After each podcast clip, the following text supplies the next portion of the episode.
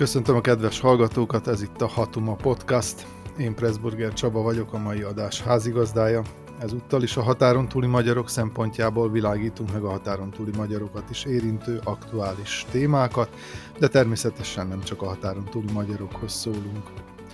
Itt vannak velem újságíró kollégáim, mint minden héten Parászka Boróka, aki Erdélyből kapcsolódik be a műsorba, és Finta Márk, aki a felvidéket képviseli virtuális törzsi kerekasztalunknál. Jó magam a vajdasági Hatuma törzs fogadatlan prókátora vagyok. Nem lesz közös magyar választási lista a közelgő szlovákiai választáson, ez kedden úgy tűnik végérvényesen eldőlt. A felek, már mint a három platformot egyesítő szövetség és a Magyar Fórum, természetesen egymást vádolják, ahogy ez ilyenkor lenni szokott, az egyesség meg nem születéséért. Egy friss kutatás azt mutatja, hogy külön-külön egyik pártnak sem sikerülne megugrani a parlamenti küszöböt. A szövetség jelenleg 4,7%-on áll, a Magyar Fórum pedig másfélre tagsálják, másfél százalékra mérik. Hát már három éve nincs magyar párt a szlovák, szlovákiai parlamentben, és a jelenállás szerint nem is lesz, vagy nem is várható. Mit jelentett a szlovákiai magyarság számára érdekérvényesítés szempontjából ez az időszak? Megérezték az ottani magyarok, hogy nincs a törvényhozásban a jogaikért küzdő nemzetiségi párt, Márk? Erre két válaszom van. Van egy sablon válaszom, és van egy mélységesen őszinte válaszom. A sablon válasz szerint igen megérezték, mert nyilvánvalóan érezhető volt az, hogy, hogy nincs uh, magyar parlamenti képviselet uh, a, a törvényhozásban, olyan szempontok maradtak el, és olyan uh, politikai folyamatok lassultak le, vagy, vagy váltak döcögősé, amelyeknek nem kellett volna, és nyilvánvalóan kell valamiféle magyar parlamenti képviselet a törvényhozásban, mert, mert, mert egyszerűen tényleg hiányzik az érdekérvényesítés, és erre a szövetség politikusai egyébként többször is igazából nem, nem lehetett belekötni abba, amit mondtak, amikor azt mondták, hogy, hogy igen, konkrét esetekben hiányzott az, hogy, hogy legyen egyfajta politikai lobbyerő a parlamentben, és hogy legyen, legyenek olyan emberek, akik tényleg a, a politikai döntéshozatal közelében tudnak mozogni, és, és, és tudnak mindenféle hatásokat generálni, vagy valamilyen szempontokat állítani akár a, a parlamenti kollégáik elé, vagy akár a, a kormánypolitikusok elé, úgyhogy igen, nyilvánvalóan hiányzott, és kell a magyarságnak valamiféle politikai képviselet. Az őszinte válaszom az pedig az, hogy nem lehetett ezt igazán komolyan megérezni, legalábbis ez az én, én tapasztalatom. A szlovák politika úgy is úgy van beállítva, hogy, hogy amikor elkezdett kifejezetten gyengülni a magyar parlamenti képviselet, ugye mondjuk 2006-ban még több mint 10%-os eredménnyel került az akkori MKP a parlamentbe, tehát volt valamiféle súlya az ott létüknek, a 2010-es évek után ez már nem volt azért annyira látványos. Tehát a, az évtized elején, a 2010-es évek elején Bugár Béla ugye a hidat vitte már a, a parlamentbe, valami értetetlen módon elkezdett valahogy úgy visszaszorulni az a, az, az átütő erő, ami korábban esetleg benne volt a, a magyar politizálásban a szlovák parlamentben. Ez a 2016-os kormánytagság pedig ez már csak 6, valahány százalékkal, 6,2 százalékkal sikerült, ugye, tehát nem volt megfelelő súly, és Bugár Béla akkor számtalanszor hangoztatta is, hogy mi csak addig tudjuk verni az asztalt, amíg az a 6,2%-unk tart, ami, ami egy olyan dolog volt, hogy, hogy nem volt igaz, mert volt a parlamentben, illetve volt a kormányban egy másik olyan párt, aminek meglehetősen kevés százaléka volt, és mégis erején felül, felül tudott elérni, vagy kizsarolni dolgokat úgyhogy itt már valahogy fellépett valamiféle nem is tudom, kis vagy nem is tudom, minek nevezzem, és utána 2018-ban felfordult ugye a, a, a világ, egészen áthelyeződtek a, a politizálásnak a hangsúlyai, és ehhez az új időszakhoz a magyar politizálás egyáltalán nem tudott alkalmazkodni, nem tudott, bele, nem tudott benne kapaszkodót találni. Visszaütött az, hogy nagyon sokáig tulajdonképpen önmagukat zárták valamiféle zárványba, és igazából most jelen pillanatban van egy standardnak mondható, nem is tudom, valamilyen, valamilyen struktúra, ami valamiféleképpen szinten tartja a, a magyar kisebbségnek, vagy a magyar nemzetiségnek is a, az elvárásait, vagy jogait, vagy, vagy, vagy kéréseit, vagy vágyait, nem tudom. És aztán van, vannak ilyen adhok dolgok, amiket mondjuk Gyimesi György próbál keresztül vinni, de ezeknek nincs olyan súlya, hogy valamiféle, valamiféle sorsfordító dologként lehetne rá hivatkozni. Úgyhogy tényleg nagyon nehéz ez a kérdés, és egy kicsit ilyen tabutörés, hogy azt mondom, hogy, hogy, hogy nem látom azt, hogy az a magyar politika, ami mondjuk a 2010-es években volt, az annyira nagyon hiányozna ebből a, ebből a parlamentből. Más lenne a helyzet, hogyha sokkal agresszívabb, nacionalistább szlovák kormány lenne, mert akkor nem szinten tartásról beszélgetnénk, hanem valamiféle represszióról, és az már annyira nem lenne talán jó. Tehát, hogyha jól értelek, akkor az utóbbi három évben annak ellenére, hogy magyar párt nem volt a parlamentben, mondjuk jogcsorbítások nem érték a szlovákiai magyarságot, hogyha esetleg érdekérvényesítés szempontjából az időszak kevésbé volt izmos is, mint a korábbiak, de legalább azt nem mondhatjuk, hogy ilyen értelemben megérezte a szlovákiai magyarság a magyar képviselt hiányát. Az volt a borzasztó ebben az egészben, hogy amikor 2020-ban felállt az új kormány, akkor hatalmas kisebbségekkel vagy nemzetiségekkel kapcsolatos tervekkel álltak elő és arról volt szó, hogy, hogy végre megszületik egy kisebbségekről szóló, vagy a kisebbségek jogállását, a státuszát definiáló törvény, megszületik egy megszületik egy kisebbségügyi hivatal, és erről már beszéltünk ugye erről a műsorban, hogy ebből nem történt meg semmi.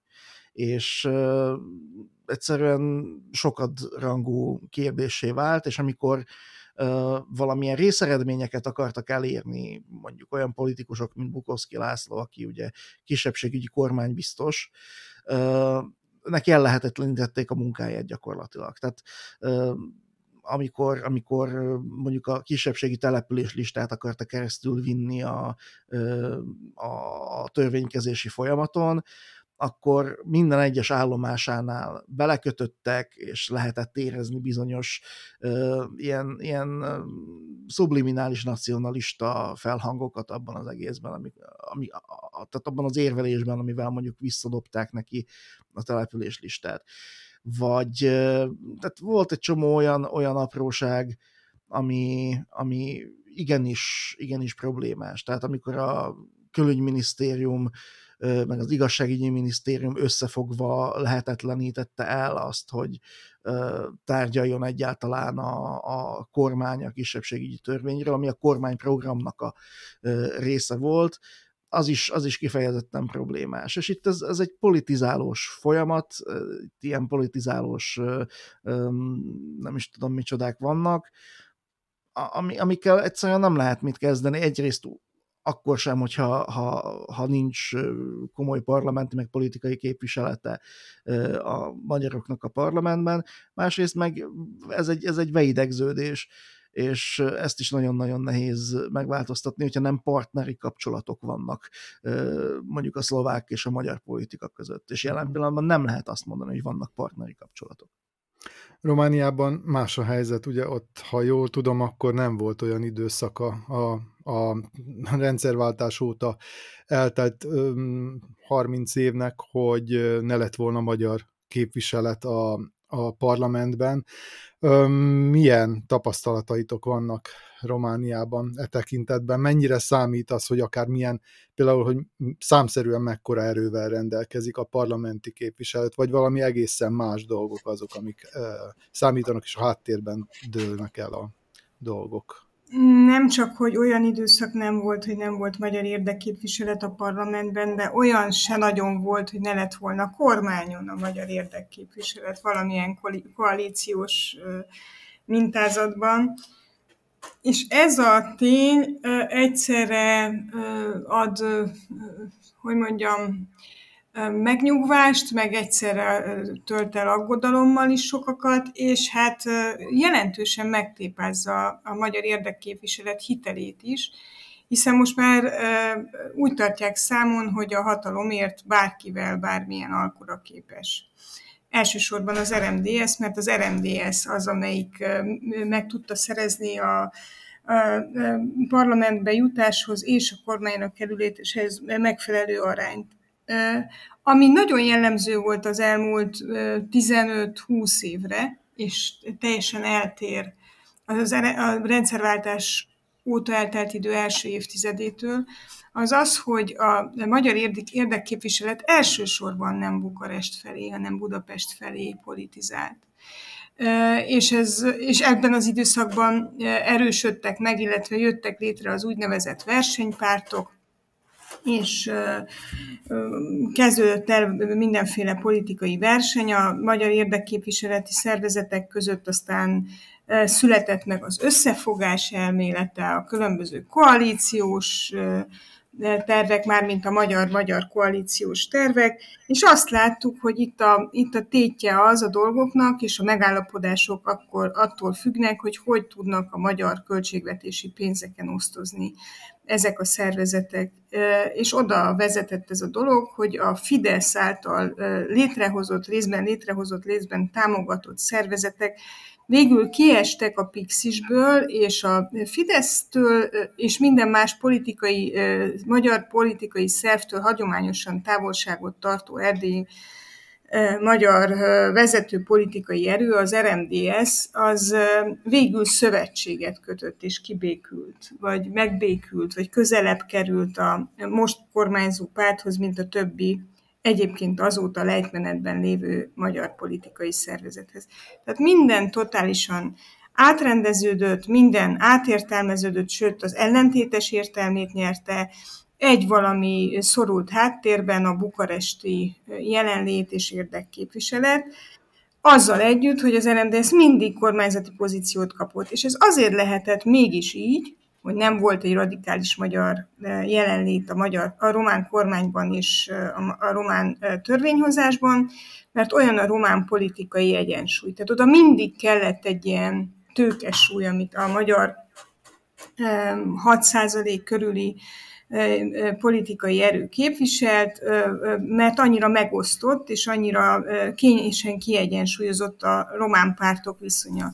Tehát általában attól dőltek el a dolgok, hogy hova álltak, hogyan viselkedett királycsinálóként a magyar kisebbségi szervezet. Ez egy nagyon kényelmes és sok szempontból kihasználható helyzet, és nagyon meghatározta azt, hogy tulajdonképpen leszámítva az ezredforduló egy-két évét, nem volt kifejezetten magyar ellenes politikai irány a román törvényhozásban és a román kormányban. Mindig a, a, annyit adott, és annyi Annyi kompromisszumra voltak készek ezek a román pártok, amennyi elég volt az RMDS kormányon tartására, és arra, hogy meggyőzzék, hogy fe, éppen az adott hatalom felé billenjen. Ez nem túl sok, nem túl, sok, nem, nem túl kevés, de nagyon bizonytalan, és egyáltalán nem attól függ, hogy mit gondolnak a magyar kisebbségi jogokról, vagy milyen a magyar politikája a román pártoknak. De ez, ez számomra azért furcsa, mert hogyha egy magyar párt olyan helyzetben navigálja magát, hogy a mérleg nyelve lehet, akkor azt gondolnánk, hogy hogy nagyon nagy mértékben megnő a politikai súlya ilyen tekintetben, és, és gyakorlatilag bármit át tud verni az adott kormányon, amelynek a része. És ez mégsem így, így működött. Tehát nem tudom, mondjuk csak, hogyha arra gondolok, hogy nincs olyan hm, fajta kisebbségi önkormányzatiság Romániában, amilyen Szerbiában van, akkor egy picit meglep a dolog, hiszen Vajdaságban azért sokkal kisebb súlya, illetve Szerbián belül a magyarságnak sokkal kisebb súlya van, arányaiban is egy sokkal kisebb közösségről beszélünk, mint Romániában, és ennek ellenére ugye 2000 2010-ben már az új kisebbségügyi törvényt, a nemzeti tanácsokról szóló törvény alapján választottak kisebbségi önkormányzatokat, amelyeket, hát ha nem is döntéshozatali joggal, bizonyos területeken igen, de, de alapvetően mégiscsak egy, egyfajta personális autonómiával ruháztak föl. Kérdés az, hogy mit, mit, mit akarunk, hogy mennyivel lenne jobb a helyzet. Amikor például a nyelvhasználati kérdések nagyjából megoldódtak, vagy nagyon jól állunk, amikor az oktatásban érvényesül a kisebbségi kvóta, a magyar kulturális és a kisebbségi, most nem csak a magyar kisebbségről van szó, de ezek a kisebbségi kulturális intézetek jelentős többlettámogatással rendelkeznek. Az önkormányzatokban ott vannak a kisebbségi szervezetek. Vannak, mint például Marosvásárhelyen az RMDS által vezetett, tehát jelentős önkormányzatok, amiket kisebbségi szervezet vezet, akkor, akkor kérdés, hogy mit lehetne még ezen kívül akarni, várni, hogyan látjuk a, a, a helyzetét a, a kisebbségi közösségnek, és valahol ez szerencsés szerintem, hogy, hogy egy ilyen fúzió történik, hogy, hogy a kisebbség politika az nem a többségi politikán kívül, hanem azon belül, vagy annak az azonos szintjein történik. Hát például ott van a választási küszöb kérdése. Tehát ez, ez azt gondolom, hogy sem Romániában, sem uh, Szlovákiában nem megoldott a kisebbségek szempontjából. Nálunk ugye természetes határ vonatkozik a kisebbségi pártokra és koalíciókra, ami annyit jelent, hogy, hogy egyszerűen a, a, a, a parlament, a 250 fős parlamentnek a, a egy mandátumhoz szükséges számait kell elérnie ahhoz egy kisebbségi pártnak, hogy egy mandátumot szerezzen. Tehát nyilván a, a részvételi arányoktól függ az, hogy ez mekkora szám, de alapvetően nem kell megugrani például úgy, mint Szlovákiában azt az 5%-ot, mint az összes többi pártnak. Azt gondolom, hogy ez, ez mondjuk egy olyan kérdés, amiért egy kisebbségi párt akár küzdhet, vagy, vagy lehet egyfajta célja, amit elérhet. A kisebbségeknek van parlamenti képviselete, ilyen módon, ahogy te mondod. Az RMDS szerepe annyival másabb, hogy ezen felül a többi román versenypárttal is egyenrangú politikai szerepet tölt be. Tehát itt nem kevesebb, hanem több történik azzal, hogy hogy, hogy ilyen feltételekkel kerül be a parlamentbe, és ilyen feltételekkel kap, tehát ne, nem ez a futottak még, vagy alanyi jogon egy-két parlamenti helyet megszerző politikai szereplő, hanem egy, egy egyenjogú, egyenrangú, jelentős választás, választói bázissal rendelkező párt és növelhetni akár az RMDS támogatottságát a magyarok részéről is, és a, és a többi, tehát a román, román szavazatokat is tudna megszerezni. Lehetne ennél erősebb is. Ehhez egy teljesen más, újra gondolt koncepció kéne a magyar érdekképviselet részéről. Ez hiányzik. Tehát tulajdonképpen most nem a kisebbségi szinten nem él a lehetőségekkel, hanem az általános politikai lehetőségeivel nem él ez a szervezet. És szerintem ez nagyon tanulságos, hogy amikor valaki beszorul az etnikai politizálásba, és azokkal az előnyökkel próbál kiegyezni, amelyek csak a szám arányból, egy etnikai közösség számarányából származnak, akkor, akkor megkezdődik egy lefelé tartó spirál. És, és szerintem most ezt látjuk. Nem beszélve arról, hogy, hogy a, az, e, a demográfiai mutatók hát pont, pont ez ellen szólnak, mert most még azért jelentős a, magyar választói, választók aránya, de nem fog ez sokáig tartani. és hogy nem várható változás téren, talán az is jelzi, hogy, hogy Kelemen Hunor bejelentette, hogy újra indul a párt elnöki pozíciójáért, tehát föltételezhető, hogy nem lesz 180 fokos fordulat. Hát azt kell mondanom, hogy ha nem, nem Kelemen Hun, hogy, hogy, hogyha lenne kihívója, komolyan vehető kihívója Kelemen Hunonnak, akkor sem számítanék 180 fokos fordulatra, mert az RMDS-ben meghalt az a fajta stratégiai politizálás, az, azok, eltűntek azok a think tankek, eltűnt az a fajta társadalmi párbeszédre alapozott politika, ami bármiféle ilyen fordulatot elő tudna készíteni, vagy ki tudná alakítani, hogy, hogy mit is akarunk. Tehát az RMDS az már nem valódi érdekképviseletként hangja ennek a közösségnek, hanem egy ilyen, egy ilyen politikai túlélésre berendezkedett kisvállalkozás, ami, uh-huh. ami a franchise rendszerben hoz néhány fagyasztott és szerintem már avas üzenetet.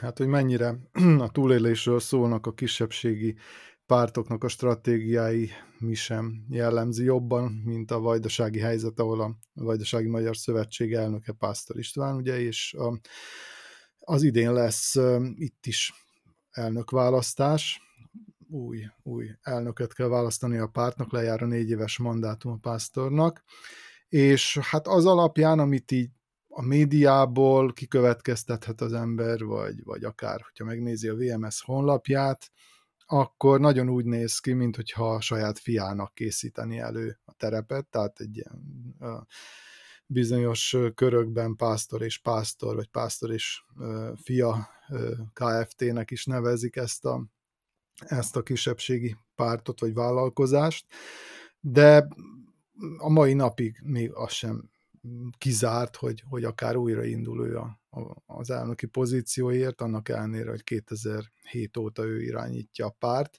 pártot, és igazából itt is az, az ami hiányzik, az az a vízió, amiről egyébként a, a napunknak adott interjújában Mészáros András filozófus is beszélt, hogy egyszerűen ö, nincsenek, nem, nem igazán látszanak azok a politikusok határon túl, akik, akik valamiféle víziót föl tudnának vázolni, és emögé tömegeket tudnának állítani. Ö, én nem tudom, hogy látod, Márk, valóban ez a vízió hiánya a legnagyobb problémája a jelen pillanatban a kisebbségi politizálásnak? Hát az egyik legnagyobb problémája biztosan ez. Um, nagyon sok minden jutott eszembe, mert említetted, hogy, hogy, hogy kérdezted, hogy milyen konkrét esetekben van szükség például a, a parlamenti képviseletre. És most így belegondolva eszembe jutott az, hogy itt van ugye az R2-es gyorsforgalmi útnak a, a kérdése, amely összeköti tulajdonképpen Dél-Szlovákián keresztül a két legnagyobb várost, Pozsont és, és Kassát, és ez egy olyan infrastruktúrális fejlesztés, ami kifejezetten jót tenne a, a déli régió közlekedésének is, meg iparának is, és a többi. És hosszú-hosszú évek óta nagyon-nagyon komoly viták folynak arról, hogy megéri-e vagy sem. És vannak olyan vannak olyan dolgok, tehát vannak olyan elemzések, amelyek azt mondják, hogy mondjuk az R2-es az nem feltétlenül éri meg, vagy bizonyos szakaszainak a képítése nem feltétlenül éri meg. Viszont azt tudjuk, hogy aznak a régiónak, ahol mondjuk ez épül, tényleg kifejezetten jót tenne, és nem, nem tudjuk, hogy pontosan milyen hatásai lenne, lennének, de például olyan közép-szlovákiai régióknak, ahol mondjuk kifejezetten magas a, a munkanélküliség, és alacsony a, a munkahelyek száma, és gazdaságilag leszakadó félben vannak, vagy már le is szakadtak az ország többi részéről, mindenképpen pozitív hatással lenne. Hogyha van egy olyan politikus, aki felül tudja írni a szlovák politika valamiféle gazdasági vagy pénzügyi racionalitását, vagy, vagy ezt, a, ezt a pragmatikus hozzáállást, akkor nyilvánvalóan ez a politikus keresztül tudja vinni azt a víziót, vagy keresztül tudja vinni azokat az igényeket, amelyekre az adott régióban tényleg kifejezetten szükség van, vagy az adott kisebbség számára tényleg kifejezetten szükség van.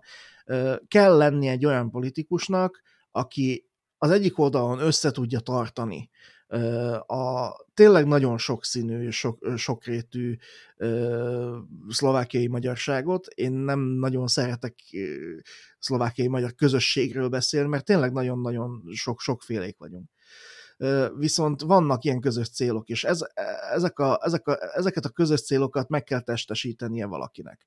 Egy olyan embernek, aki hitelesen tudja ezt kommunikálni a szlovák politika felé, mert túlságosan nagyok az eltérések a szlovák és a magyar politikai gondolkodásmód, a, a know-how és egy csomó minden között, és nagyon sokszor tényleg sok malomban őrlünk, amikor, amikor próbálunk valamit elérni. És ezért van szükség egy, egy tényleg egy olyan öm, erős figurára, aki túl tud lépni a saját mindenféle politikai érdekein, és, és ezeket a dolgokat kommunikálni és keresztül kommunikálni tudja, és keresztül tudja vinni. Ilyen politikus nincs. Most biztos nagyon sokan azt mondják, hogy igen, a Bugár Béla az olyan volt, aki ezt meg tudta tenni. Bugár Bélában lehet, hogy volt ebből valami, és tényleg vaskézzel tartotta össze annak idején a 2000-es években a, a, az MKP-t, amíg ugye szét nem esett a dolog, és, és keresztül tudott vinni olyan dolgokat, amiket, amiket keresztül lehetett, tehát például a Komáromi Magyar Egyetemnek, a, egyetemnek az ügyét, de végül is, vagy végeredményben azért csak benne volt végül az egész történetben az, hogy, hogy muszáj volt kompromisszumokat kötnie, aztán más politikai projektekben kezdett el gondolkodni, és stb. Nincs ideális és tökéletes politikus, nincs ideális és tökéletes vezér, de ha ránézek a mostani politikai kínálatra, akkor még csak olyan politikus sincs, aki megközelíteni tudná ezt az ideális mediátort, vagy nem is tudom, hogyan nevezzem ezt a, a kisebbségi politikai vezérszerepet. Uh-huh. És egyszerűen nem nevelődnek ki ezek az emberek, nem is volt hol kinevelődniük, de évek óta az van, hogy mindenki kizárólag a saját maga csapás irányát követi, kizárólag a saját politikai érdekeit, meg túlélését próbálja erőltetni, és ebben, ebben elveszik az, hogy egyáltalán megszülessen, vagy, vagy, vagy kinevelődjön egy ilyen, ilyen, ilyen politikai figura. Nem látom igazán esélyét, hogy ez az elkövetkező időszakban bárhol és bármikor is megtörténik. De föltétlenül egy karizmatikus figurára van szükség ahhoz, hogy egy vízió érvényesüljön, egy kisebbségi vízió. Tehát nem lehet ezt függetleníteni a személyektől, nem lehet ezt intézményesíteni, nem lehet ezt egyszerűen egy pártprogrammá tenni, és, és akként tálalni, és, és úgy szerezni szavazatokat. Nekem ezzel az a problémám, hogy, hogy igen, egy, ideális társadalomban, vagy akár csak egy kicsit nyugaton, ahol létezik valamiféle politikai kultúra, és, és betartják a megegyezéseket, ott, ott nyilvánvalóan sokkal könnyebb így politizálni, ahogy mondod. Viszont Szlovákiában, és úgy általánosságban Közép-Európában nagyon-nagyon sok minden múlik a, egyrészt a személyes kapcsolatokon, másrészt azon, hogy, hogy hogyan tudsz boltolni, meg üzletelni. És nagyon sokszor születnek adhok döntések, nagyon fontos kérdésekben is. A szlovák politikán belül is tényleg néha a maradék hajam kihullik, amikor látom, hogy hogyan születnek meg egyességek bizonyos dolgokról, és mik a, mik a tényezők, ami alapján megszületnek bizonyos döntések, mert nagyon-nagyon sokszor tényleg ilyen adhok, kézkezetmos alapon történő, urambátyám módon történő megegyezések vannak, és igen, a pragmatikus hozzáállás az, hogy ebbe a, ebbe a társaságba, akik így megegyeznek egymás között bizonyos politikai dolgokról, dobjuk már be a saját emberünket, aki szintén legalább olyan jól tud pókerezni, meg blöffölni, ahogy a többiek, és ugyanúgy tud kapcsolatokat kialakítani. Mert ez a politikai realitás Közép-Európában. Uh-huh. Sajnos ez így megy. Romániában van esetleg más realitás, vagy van esélye akár egy koncepciónak anélkül, hogy egy azt egy karizmatikus politikus, politikai figura képviselje? Én azt hiszem, hogy a, a az utóbbi évek, évek autokrata rezsimjeinek a kiépülése erősítette meg azt a meggyőződést, hogy itt úgynevezett karizmatikus egyéniség nélkül nincs politika, mert ez volt a célja, ugye? Akkor működnek ezek a rezsimek, hogyha mindenki a bizalmát belefekteti a vezérbe.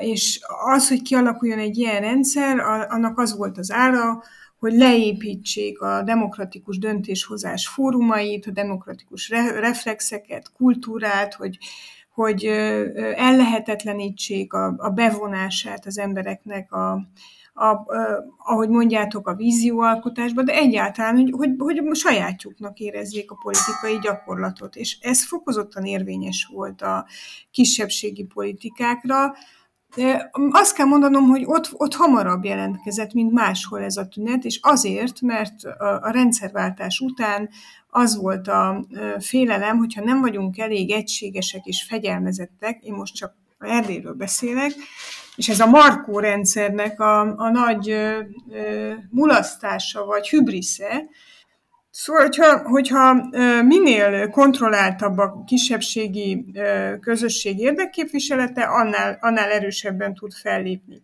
Igen, nem csak a Marko rezsimben a kontrollal együtt azért a demokratikus váza az RMDS-nek, a, a különböző frakciók, a különböző döntéshozási testületek, azok működtek. Tehát fegyelmezettek voltak, ö, ö, voltak megkérdőjelezhetetlen alapelvek, de azért a kedvét nem vették el az embereknek attól, hogy részt vegyenek ebbe. A Kelemen rezsim pedig ezt építette le, tehát a demokratikus vázat építette le, és ezért nem fog ez változni akkor sem, hogyha Kerem Unor, aki 2011 óta vezeti az RMDS-t, rettenetesen hosszú időt, tehát illemből le kéne lépni, jó érzésből, politikai, taktikai megfontolásból, tehát egyszerűen lehetetlen vezetői pozíciót ennyi időn át hitelesen betölteni. Az is rettenetesen rombolja a Kelemen Honor megítélését, hitelét, hogy nincs mell egy személyes pártá vált az RMDS, nem engedett maga körül megírni politikusokat, ellehetetlenített az megérésüket, sőt a fellépésüket is. Tehát, hogy neki ebben személyes védkei és bűnei is vannak. Túl ezen, és csatlakozva ahhoz, amit Márk mond, egy csomó szempont teljesen figyelmen kívül maradt. A regionális érdekképviselet, a regionális ellentétek, amit politikai eszközökkel gerjesztettek az, az erdélyi magyar közösségek között. Tehát az a feszültség, ami a székelyföldiek és a tömb, úgynevezett tömb magyarság és a szorvány magyarság, én is fenntartásokkal használom ezeket a kifejezéseket, de az a feszültség, ami ezek között a közösségek között van, az gyilkos, az, az kedvdromboló, az, az cselekvést gátló. És a másik, amiről egyáltalán nem beszélünk, de szerintem súlyosabb, az a generációs különbség. Tehát a mai 20-as, 30-as generáció, amelyik világpolgárként nőtt fel, világpolgári igényekkel, nemzetközi szintű tudással van jelen a világban, az egyszerűen kimarad ebből a fajta politikát. Ne, nem, sem megszólítani nem tudják, nem is akarják, és nem is tudnak számukra semmit kínálni. Vagy van egy másik réteg, akik nem ennyire jól képzettek, de nagyon kiszolgáltatottak, őket ugyanebben a generációban őket rekrutálják, apropó Corvinus hálózat, és a leg, legkiszolgáltatottabb és leg, legszigorúbban kontrollált politikai viszonyokat alakítanak ki, tehát nemzedékekre előre ellehetetlenítik, hogy akár ebből a, ebből a társaságból is kikerüljenek olyanok, akik tudnak autonóm és kreatív módon hozzászólni a megint idézőjelben víz, vízióalkotáshoz. Mondhatjuk erre persze azt, hogy a vízió hiányzik, de az is lehet, hogy egyszerűen csak a, úgy látják, hogy nincs szükség vízióra egy ilyen politika alkalmazásához vagy érvényesítéséhez. Elég azokat a gyakorlati módszereket alkalmazni, amelyek elvezetnek a céljaikhoz. Ezekre a, az általad említett kiművelt elmékre, vagy, vagy fiatalabb generációkra pedig egyszerűen nincs is szüksége egy ilyen típusú politizálásnak, amilyet látunk hát a térségeinkben, és én attól tartok, hogy ezen, ezen az sem segítene, hogyha itt fölbukkanna egy, egy nagyon karizmatikus személyiség, mert egyszerűen annyira fölaprózódottak ezek a politikák, hogy nem, nem tudna egyesíteni egyetlen vízió mögött egy, egy, egy teljes kisebbségi társadalmat, vagy közösség szót ugye kerültétek, mert annyira, annyira széttartóak ezek a kisebbségi társadalmaink. Mondjuk, hogyha visszatérünk még egy pillanat erejéig oda, ahonnan indultunk, tehát Szlovákiába és a, a, a meg nem egyezés pillanatához, mi az, ami megmenthetné még itt a helyzetet, vagy mi az, ami, ami akár oda vezethetne, hogy mégiscsak valamelyik magyar képviselet megugorja ezt az 5%-ot, és, és várhatólag ugye szeptember 30-án lesz a választás, mégiscsak bekerüljön a magyar párt a parlamentbe. Hát számomra hatalmas meglepetés lenne, hogyha ebből az egészből lenne valami. Méghozzá azért, mert nagyon sok embernek kellene 180 fokos fordulatot tennie a saját politizálásában ahhoz, hogy meg tudja változtatni a szövetség körüli, meg úgy általánosságban véve a szlovákiai magyar politika körüli helyzetet, meg ezt a milliót, meg ezt a hübriszt, ami, ami jelen pillanatban tényleg uralkodik ebben az egész közegben nekem az az analógia jutott eszembe, most még kicsit visszautalva az előzőekre, hogy, hogy amikor a csapat, egy, egy falusi csapat a saját pályáján, egy, egy göröngyös falusi pályán játszik a 43. dzsungelligában, akkor ott hiába van egy sztárjátékosod, nem fogja tudni a csapatot előrevinni, mert a labda ugyanúgy pattogni fog a göröngyökön, tehát valószínűleg neki is bele kell majd idomulni a favágó futball stílusba, és alkalmazkodnia kell ahhoz a helyzethez, ami, ami, ami ott van. Tehát először ott a pályát kell rendbe rakni, meg a csapattársakat kell felhozni egy bizonyos szintre, és aztán lehet majd tikitakázni, meg gegenpresszezni, meg mindenféle taktikákat bevetni, de addig csak a falusi favágó dzsungelliga marad. Tehát hogyha ez, ez, ez nincs meg, akkor, akkor ha, ha nem ébred öntudatra a csapat, akkor nem lesz belőle semmi, akkor, akkor el, elfocizgatnak a saját szintjükön. És ugyanaz érvényes tulajdonképpen a szlovákiai magyar politikára is, hogyha, hogy, hogyha nem épül ki a politikai kultúra, hogyha nincs, nincs, nincs ebből, nincs, nincs erre való fogékonyság ezekben az emberekben, akkor jöhet vezető, jöhet, jöhet bármilyen taktikai mágus a kispadra, akkor sem, sem fog történni semmi, akkor is ugyanúgy vagyunk.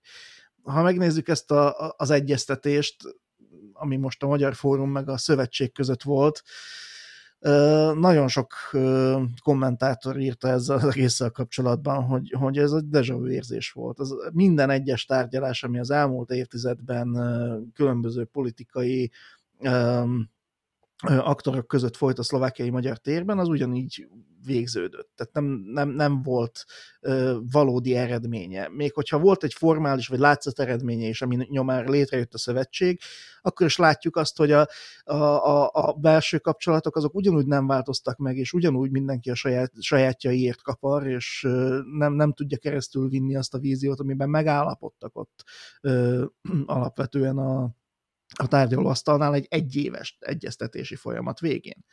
Tehát nem igazán látom én azt, hogy, hogy itt bármilyen, bármilyen hatalmas fordulatra lenne kilátás az elkövetkezendő hónapokban, hogy szeptember 30-ra aztán dicsőségesen be tudjanak masírozni a parlamentbe. Egyszerűen... Akkor marad, marad nyilván az, hogy társulnak olyan szlovák pártokkal, amelyek esetleg a hátukon beviszik őket, vagy mm, nyilván ez nem, szövetség... ez, hát hogy a szövetségnél nem opció, de... A szövetségnél ez nem opció, a szövetség abban esetleg. bízik, illetve a szövetségnek az MKP platformja abban bízik, hogy akkor ők most behozzák a, a Gyimesi Györgyöt, aki elkezdi, elkezdte maga köré építeni a saját kis csapatát, meg a saját kis politikai elképzelését, egy konzervatív, szinte már-már nacionalizmusba és populizmusba hajló politikai elképzelést. A, a Gyimesi Györgyöt toló média az most nagyon hangsúlyozza, hogy ő az egyetlen, tehát ő, ők is ugye egyfajta vezérigyenisségként próbálják felépíteni Gyimesit, aki, aki majd be fogja vinni, összefogja a csapatot és be fogja vinni a, a parlamentbe. De ez nem igaz ez nem igaz. Gyimesi György nem, nem, nem egy ilyen vezéregyeniség, mert alapvető dolgok hiányoznak vele kapcsolatban, például az, hogy a ö, közösségnek azt a részét is meg tudja fogni, aki egyáltalán nem vevő a, a, a folyamatos LMBTQ-zásra, vagy LMBTQ ellenességre, meg a, meg a, magyar kormánynak a mindenféle ideológiai maszlagjaira, meg hasonló dolgokra. Egyszerűen ő, ő beleépítette magát ebbe a, ebbe a körbe, és már nem fog tudni kinyúlni a buborékon kívül, mert hiteltelenné vált egy csomó ember szemében. És akkor arról beszélnek a, a, a gyimesi toló média, hogy, hogy majd ő fog 40 ezer szavazatot hozni a, a szövetségbe, és a szövetségnek már csak a saját 110 ezer szavazatát kell hozni, és akkor bemennek a parlamentbe. De könyörgöm, kitől vette el Gyimesi György azt a 40 ezer szavazatot? Hát az biztos, hogy nem a HIT platform, meg az összefogás platform szavazóitól, mert ők nem, nem, ők pont azok az emberek, akikről beszéltem, akik számára Gyimes hiteltelen. Ők pont az MKP platformnak a szavazatait vették el a gyimesi féle csapat, meg ez a, ez, a történet. Tehát megint benne vagyunk egy ilyen plafonban, és, és, és ezt a plafon nem akarják látni ezek a politikusok.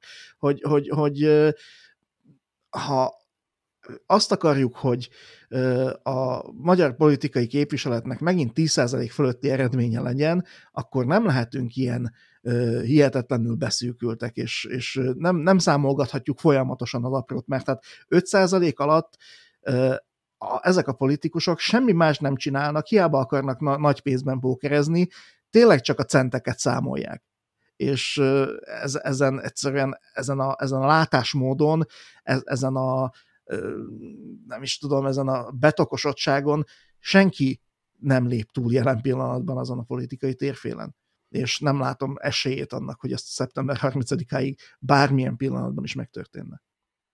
Igen, vannak ezek a pillanatok, amikor, amikor úgy tűnik, hogy valamiféle összefogásra volna szükség, valamiféle, tehát nem mindig csak a gyakorlati ok miatt, tehát például most a parlamenti küszöb, hanem egyszerűen úgymond benne van a levegőben, hogyha nincsenek róla mérések, akkor így érezhetik sokan, hogy benne van a levegőben, hogy azt szeretné a társadalom, hogy összefogjanak a magyar pártok például, és együtt induljanak a választáson.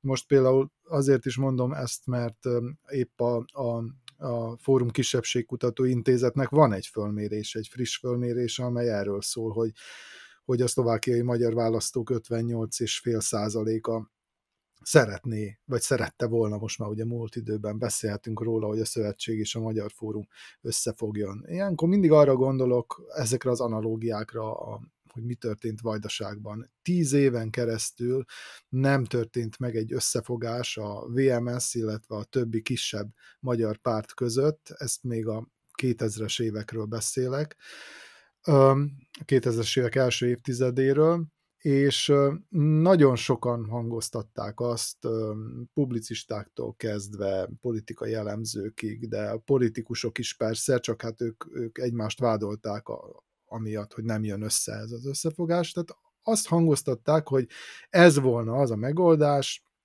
ami egyfelől több szavazatot hozna a magyar opciónak, másfelől azokat is ideállítaná, akik magyar opció hiány, vagy hát a, a, a túl sok magyar opció miatt inkább egy, egy polgári tehát úgymond nem magyar előjelű pártra szavaztak.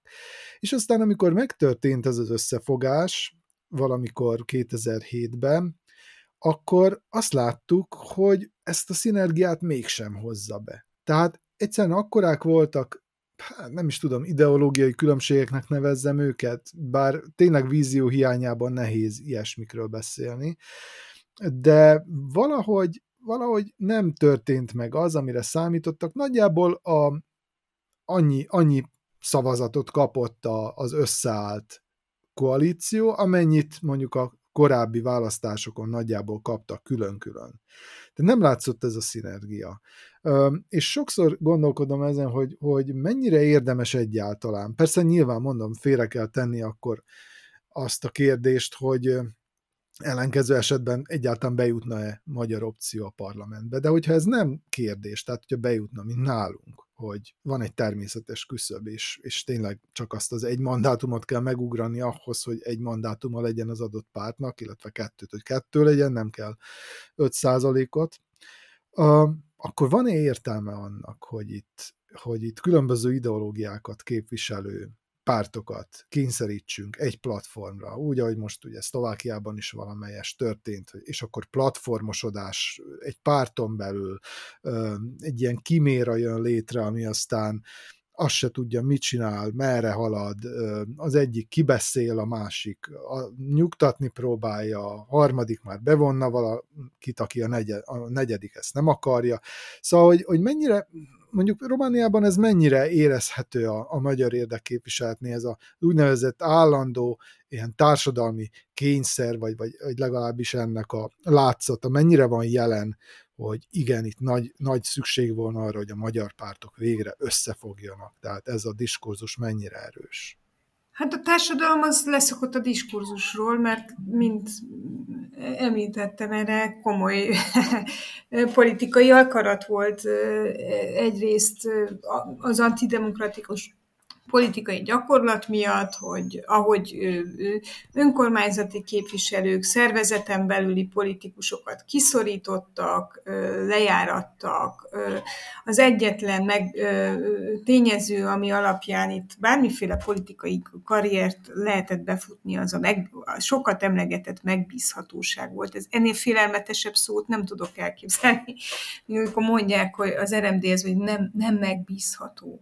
Ez azt jelenti, hogy vannak önálló mondatai. Nem csak az RMDS köz, közleményeit köz, adja közre a Facebookon copy-paste-tel. Ez, ez már nagyon veszélyes ürge, aki, aki ilyen megbízhatatlanságokat csinál legyilkolták, visszaszorították a demokratikus fórumokat. Az RMDS saját kis kezével szüntette meg a magyar lapokat, szerkesztőségeket. Tehát, hogy, hogy milyen társadalom? Nincs társadalmi diskurzus, mert, mert el, van, el van kussoltatva. És, és amúgy is, tehát attól mi van a magyar közéletben, hogy aki politizál, az, az ilyen kényelmetlen, ilyen ugri-bugri, ilyen, ilyen, ezé, ilyen, jaj, nem tud viselkedni. ez, ez, a, ez a nyilvános percepció, hogy ah, annyit problémázik meg. Nemzetellenes. Előbb, két, két lépésből eljutunk a nemzetellenességig.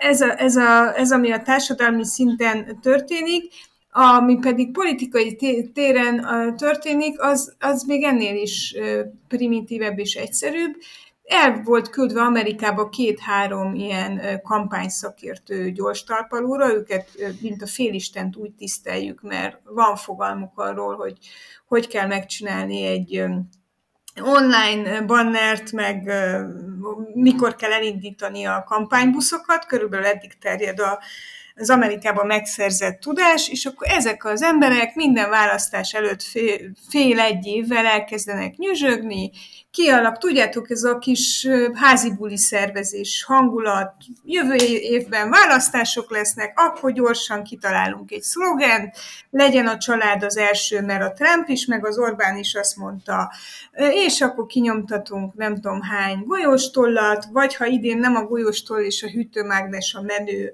akkor nem tudom, ilyen városi rollerre tapasztható matricákat, és annyira menők vagyunk, és amerikaiak, és gyorsak, és minimális kampányidő, maximális ö, ö, ö, eredmény, mindenki lássa be, hogy úgy sincs másik, és ez az egyetlen dolog, amit tehetünk, és akkor néhány hónap alatt lejár ez a nyüzsgés, megvan a megszerezni kívánt mandátum, nem túl sok, nem túl kevés, az a 15 ember, aki az RMDS, az érezze jól magát, és nagyjából ennyi a, ennyi a buli, ami, amiről beszélünk. Nem, nincs itt se társadalmi nyomás, se ideológiák harca, se semmi. Ez egy kisvállalkozás, mértékkel felfogott érdekkel. Mert tudjátok, ebbe a vadkapitalizmusban, ami Romániában van, az sem jár túl, jól, aki túl sokat markol, az sem, aki túl keveset. És ezt az RMDS megtanulta. Tehát szerényen előre a túlélés, a politikai túlélés rögös útján.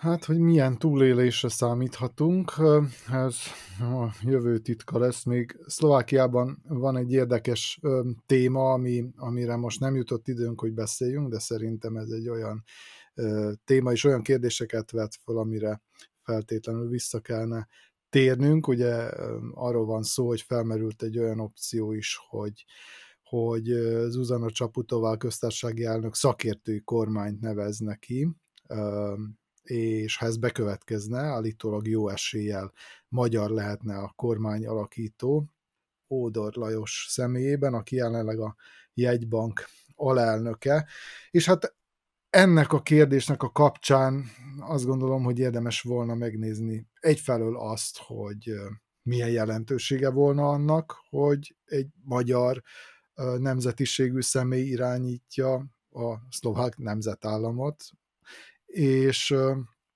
megnézni azt is, hogy mondjuk az elmúlt időszakban mennyire volt nagy jelentőségű pozíción magyar, illetve más kisebbségi, nemzeti kisebbséghez tartozó személy Szlovákiában, Romániában, illetve Szerbiában, de azt gondolom, hogy ezekről a kérdésekről majd legközelebb tudunk bővebben is beszélni, ugyanis jelen pillanatban ennyi fért a mai adásunkba.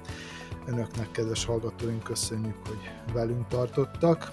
Ezt a műsort, műsorunkat és természetesen a korábbiakat is visszahallgathatják a Pátria Rádió podcast csatornáján és a Hatuma saját podcast csatornáján is, amelyre feliratkozhatnak a Spotify-on, így minden egyes új epizódról is értesülhetnek. Finta Márk és Parászka Boróka nevében búcsúzik Önöktől Pressburger Csaba, a viszont hallásra egy hét múlva.